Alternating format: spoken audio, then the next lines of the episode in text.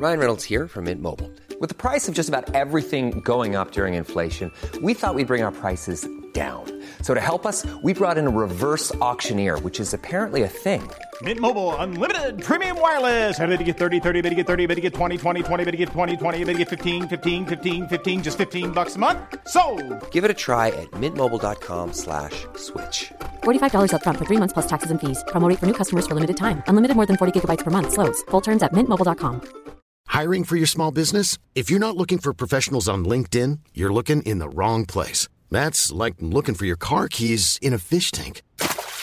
LinkedIn helps you hire professionals you can't find anywhere else, even those who aren't actively searching for a new job but might be open to the perfect role. In a given month, over 70% of LinkedIn users don't even visit other leading job sites. So start looking in the right place. With LinkedIn, you can hire professionals like a professional. Post your free job on linkedin.com slash people today.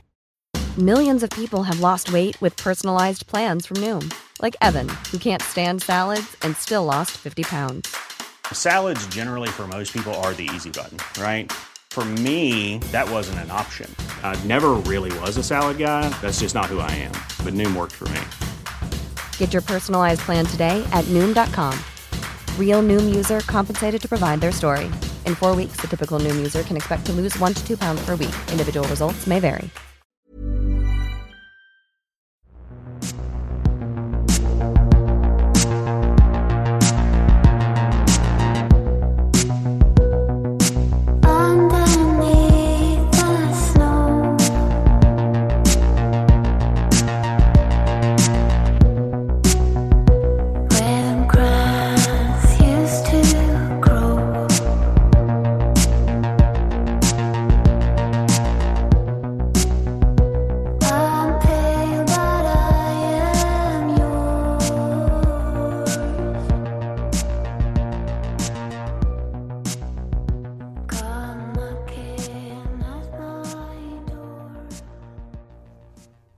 Olösta mord, Biggie och Tupac del 6.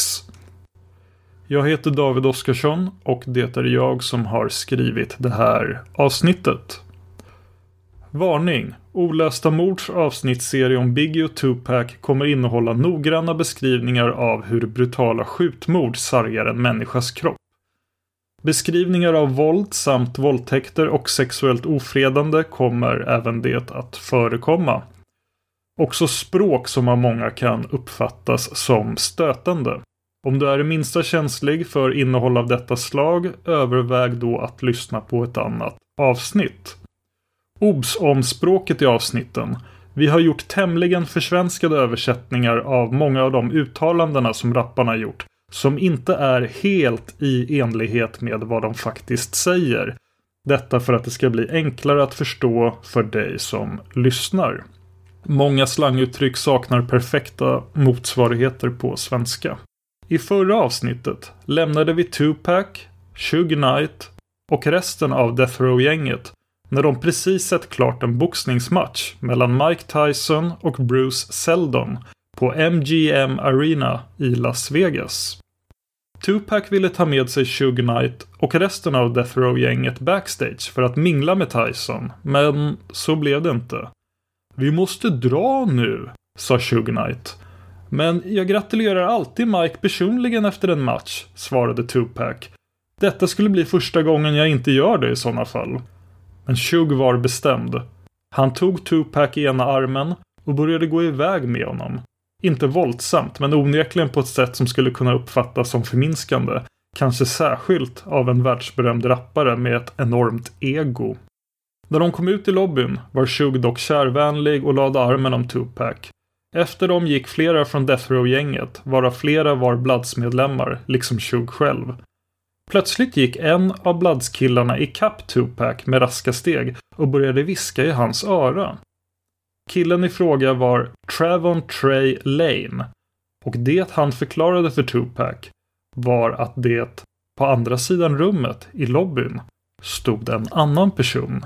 En person vid namn Orlando Baby Lane Anderson. Orlando var en medlem i det konkurrerande Crips-gänget. Men inte bara det. Orlando hade, tillsammans med ett par andra Crips, hoppat på Travon Trey Lane i en skobutik i köpcentrumet Lakewood Mall i LA bara några månader tidigare. Travon hade blivit misshandlad och bestulen på ett smycke han burit kring sin hals. En guldmedaljong med Death Row-logotypen. Ni vet den när det är en man med huva över huvudet som sitter i elektriska stolen. Tupac agerade utan att blinka, antagligen uppeldad av den boxningsmatch som han nyss hade bevittnat.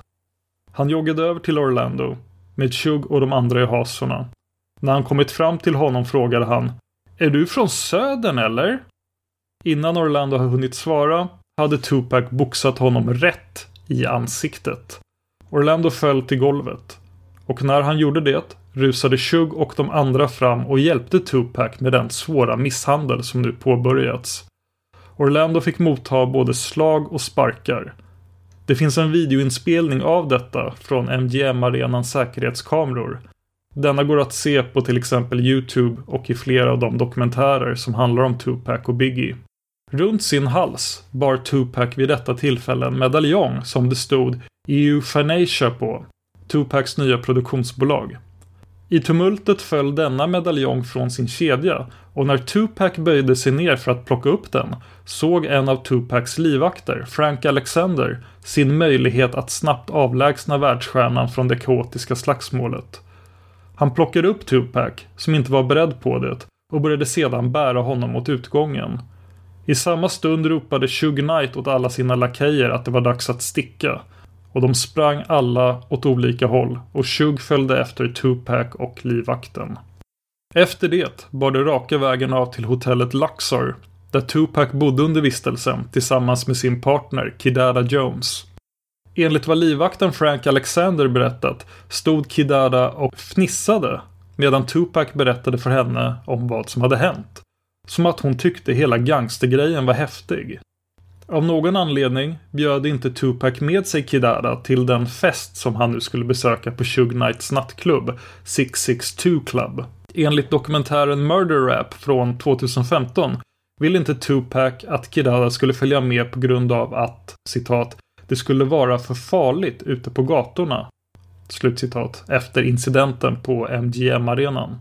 Efter att ha bytt om till nya kläder lämnade Tupac hotellet tillsammans med sin livvakt. Hej, jag heter Ryan Reynolds.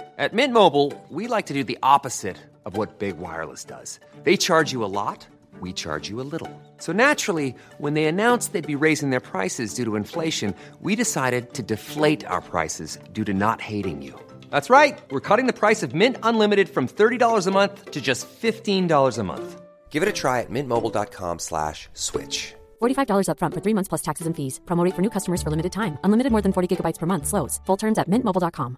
Everyone knows therapy is great for solving problems, but getting therapy has its own problems too, like finding the right therapist, fitting into their schedule, and of course, the cost.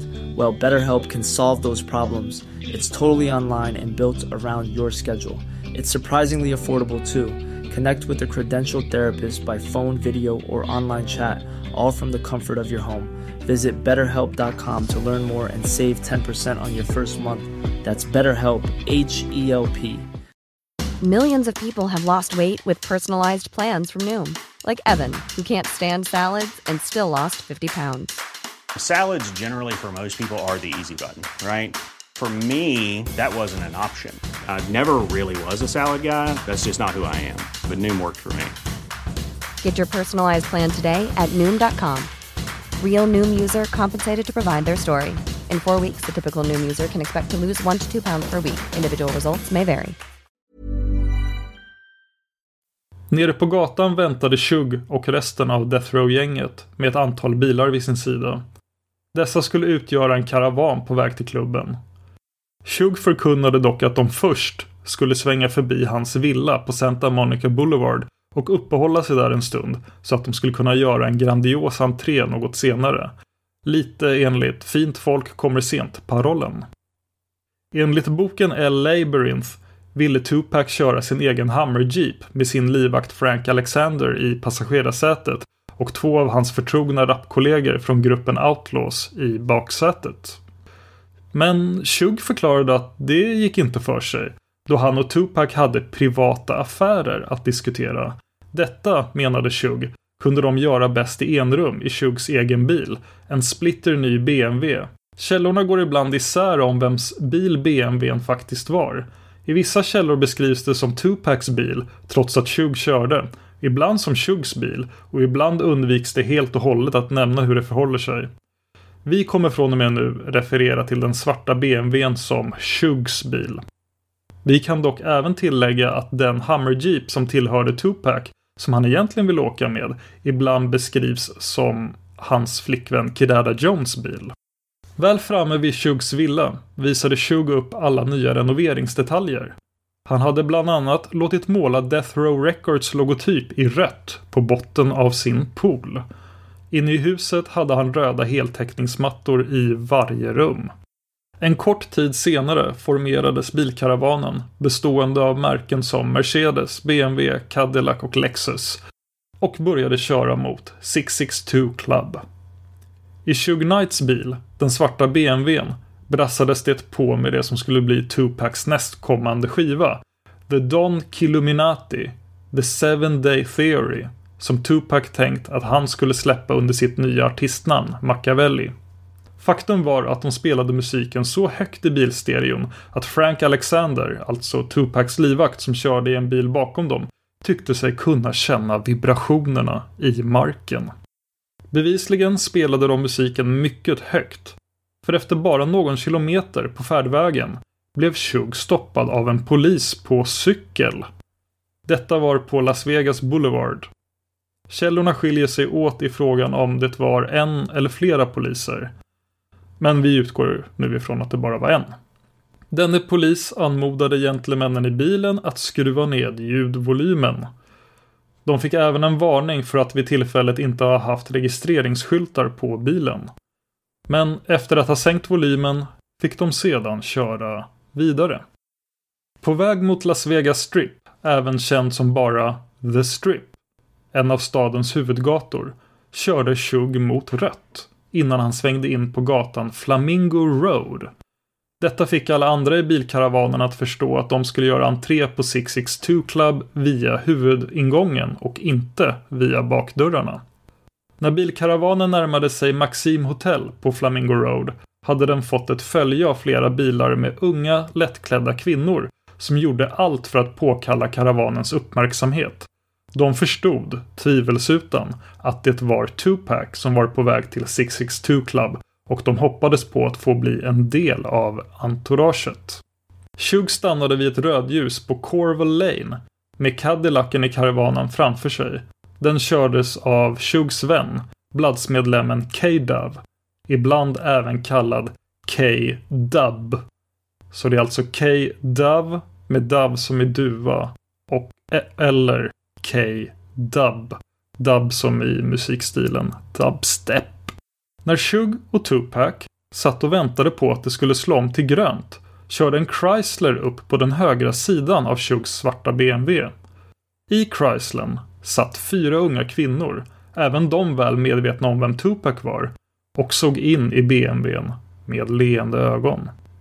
Klockan 23.15 kom en vit fyradörrars Cadillac körandes bakom Shugs svarta BMW som fortfarande stod vid rödljuset. Cadillacen körde på den högra sidan av BMWns samtidigt som dess vänstra bakruta vevades ned. Denna Cadillac kom alltså bakom Chryslern som de fyra unga kvinnorna satt i. När Chryslern körde förbi den svarta BMWn med Shug och Tupac fram till rödljuset körde den vita Cadillacen upp jämsides med Tupac och Shug och ut ur det nedvevade fönstret på Cadillacens vänstra sida sträcktes en arm. Och armens hand höll i en Smith Wesson Glockpistol. Nio höga smällar ekar genom den mörka Las Vegas-kvällen. Tupacs livvakt Frank Alexander kastade sig ut ur sin bil och började springa mot den vita Cadillacen men den vita Cadillacen körde vidare, trängde sig förbi Chrysler framför och försvann i natten. Shugs svarta BMW gjorde en U-sväng direkt mot den mötande trafiken och lämnade platsen. Detta med två av däcken på bilen sönderskjutna. Livvakten Frank hoppade återigen in i sin bil och satte efter Shug och Tupac. Shug gjorde sitt bästa för att parera all mötande trafik och lyckades. Men till slut kraschade han in i en betongmur nära The Strip. Närmare bestämt skall det här ha varit vid korsningen Las Vegas Boulevard och Harmon Avenue. Den vilda flykten var nu över. Shug vände sig till Tupac och frågade Är du träffad? Tupac svarade Jag är träffad. Bakom den svarta kraschade BMWn kom nu ett par cyklande poliser som följt efter Shug och Tupac ett tag under flykten och som hade haft den goda framförhållningen att både ringa efter backup och ambulanser under tiden. De andra bilarna från karavanen var alldeles i närheten. På bara någon minut myllrade platsen av poliser och de tvingade alla män i bilarna att kliva ut och lägga sig framstupa på marken. När Shug klev ut ur bilen rann blodet ymnigt från hans huvud. Han ropade till polisen. Jag har blivit träffad i huvudet. Men Shug fick ändå lägga sig ned på marken, som alla andra. Tupac däremot kunde inte ta sig ut ur bilen. Han var för illa däran. När ambulanspersonalen kom fram till honom kunde de se att hans andning var ytlig och att han pendlade mellan medvetande och medvetslöshet. Tupac mumlade för sig själv. Måste hålla ögonen öppna. Det var Shug och livvakten Frank som lyfte ut Tupac ur bilen. Tupac sa Jag kan inte andas. Tupac placerades på en bår och lades in i ambulansen. Shug kom med honom. Ambulansen körde sedan i ilfart till University Medical Center of Southern Nevada. Väl framme på sjukhuset kunde läkarna konstatera att Tupac var i ett extremt dåligt skick och att det i en alltför snabb takt bara blev värre och värre. Han hade förlorat en ansenlig mängd blod. Av de nio skotten som avlossats mot den svarta BMWn hade Tupac blivit träffad av fyra skott. Två av kulorna hade tagit i hans bröst. Ett skott hade träffat honom i armen eller specifikt i ett finger på den högra handen. Och det sista och fjärde hade träffat honom i låret. En av kulorna som perforerat Tupacs bröstkorg hade slitit sönder hans högra lunga. Detta var vad som gjorde att Tupac fick känslan av att inte kunna andas. Och detta var den mest akuta komplikationen som genast behövde ses över. Lungan skulle behöva opereras ut. Shug Knight, som klivit ur BMWn med blod strilande från huvudet, hade inte blivit träffad av några kulor. Det var splitter från kulorna och delar av bilen som trasat sönder som endast hade gett honom ytliga och lindriga skador. När Tupac skjutsades in i operationssalen sade han upprepade gånger Jag dör. Jag dör. Planning for your next trip? Elevate your travel style with Quince. Quince has all the jet setting essentials you'll want for your next getaway, like European linen, premium luggage options, buttery soft Italian leather bags, and so much more. And is all priced at 50 to 80% less than similar brands. Plus, Quince only works with factories that use safe and ethical manufacturing practices. Pack your bags with high-quality essentials you'll be wearing for vacations to come with Quince. Go to quince.com/pack for free shipping and 365-day returns. Den sönderslitna lungan opererades ut. Kroppen fick dräneras på två liter blod som hade läckt ut internt. Därefter fick Tupac en respirator för att hålla honom vid liv. Ett problem mitt i allt var att så fort Tupac vaknat efter operationen försökte han kliva ut ur sängen, trots sitt usla skick. Var han lika ointresserad av att befinna sig på sjukhuset som efter skjutningen på Quad Studios 1994. På grund av den allvarligt skadade Tupacs ovilja att ta det lugnt försatte läkarna honom i en läkemedelsinducerad koma. Han skulle inte ha en chans att överleva om han försökte vara uppe på benen och låtsas om som om ingenting hade hänt. Familj och vänner hade nu kommit till sjukhuset för att vaka över Tupac. Bland dessa återfanns hans mamma, Afeni Shakur, Mike Tyson, pastor Al Sharpton, en mycket känd publikfigur som än idag kämpar för afroamerikanska människors rättigheter i USA och som har en ambivalent relation till hiphop-communityt. Och även artisten MC Hammer som var en god vän till Tupac. Och på plats fanns även Suge Knight och resten av alla i Death Row-gänget. Och nu satt alltså även Suge Knight vid Tupacs sida. En annan person som besökte Tupac, oklart i vilket sällskap, var Compton-polisen Kevin Hackey. Denne man betedde sig märkligt på platsen. Han gick runt och frågade anhöriga och närvarande om alla möjliga saker och bedömdes till slut av läkarpersonalen att vara ett citat störande moment slutcitat. Enligt uppgift skall Hackey också ha utgett sig för att vara FBI-agent. Han blev avvisad från platsen. Vi kommer prata mer om Kevin Hackey senare. Under de dagar som följde hade Tupac inte bara sina nära och kära vid sin sida. Läkarteamet behövde bevaka honom dygnet runt. De inre blödningarna tycktes aldrig ta slut. När överläkaren på traumacentralen där Tupac befann sig blev intervjuad i media förklarade han att Tupac var extremt svårt skadad. Att det rörde sig om dödliga skador och att endast en av fem med den här sortens skador brukade överleva. Medlemmar från Tupacs entourage Outlaws fanns i sjukhusets omedelbara närhet och höll vakt ifall de som skjutit mot Tupac och Suge Knight skulle få för sig att dyka upp på University Medical Center för att avsluta vad de påbörjat. En annan person bland de som vakade över Tupac var hans flickvän Kirara Jones. På en CD-spelare intill sängen spelade hon artisten Don McLeans låt Vincent, vilket fick Tupac att vid ett tillfälle öppna sina svullna och kladdiga ögon. Kidada sade då till Tupac att hon älskade honom.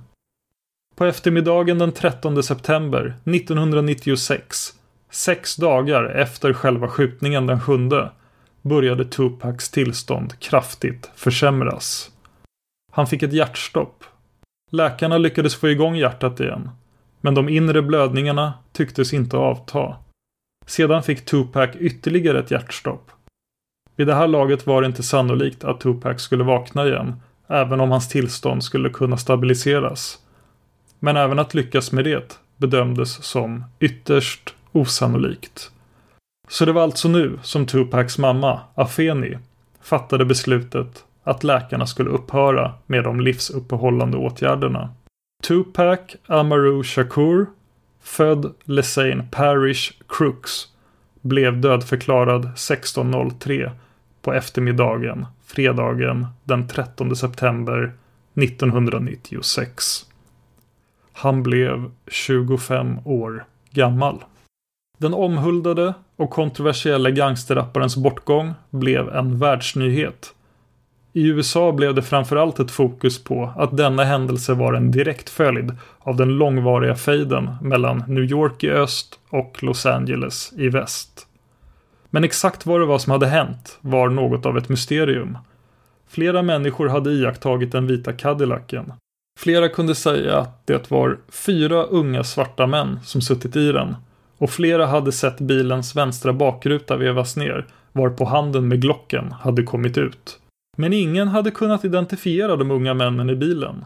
Och frågan är hur många i Tupacs och Suge Knights entourage som var verkligt samarbetsvilliga med polisen. Det hör till gangsterkulturen att man inte kallar, inte ens när det kommer till ens fiender. Konflikter ska göras upp på gatan, gängmedlemmar emellan. Officiellt, när Suge Knight förhördes om det som skett, sade han både att han inte sett något eller visste något. Men många år senare, när han förklarade att han fortfarande inte visste vem som hade skjutit mot honom och Tupac, sade han Men även om jag visste det, skulle jag inte yppa ett ord om det till snuten. I nästa avsnitt kommer vi berätta mer om hur nyheten om mordet på Tupac togs emot av omvärlden och även hur händelsen skulle komma att påverka fejden mellan öst och väst. För det säger ju sig självt att mordet på Tupac dessvärre blev den bensinen på brasan som många hade befarat. Dessutom kommer vi börja berätta om hur Biggies liv fortsatte fram till hans sista dag i livet. För att sedan ägna de sista avsnitten åt de teorier som försöker förklara vad som faktiskt hände och vilka det egentligen var som mördade Biggie och Tupac. Maila oss dina teorier om fallen som vi tar upp på simwaypodcast@gmail.com. Det är alltså Z I M W A Y podcast snabel gmail.com. Jag som har skrivit och läst det här avsnittet heter David Oskarsson. Tack till Eva Martinsson för klippningen. Tack till Trippnaha för låten Immune som ni hör i början och slutet av varje avsnitt. Och ett stort tack till dig för att du lyssnar på Olösta mord.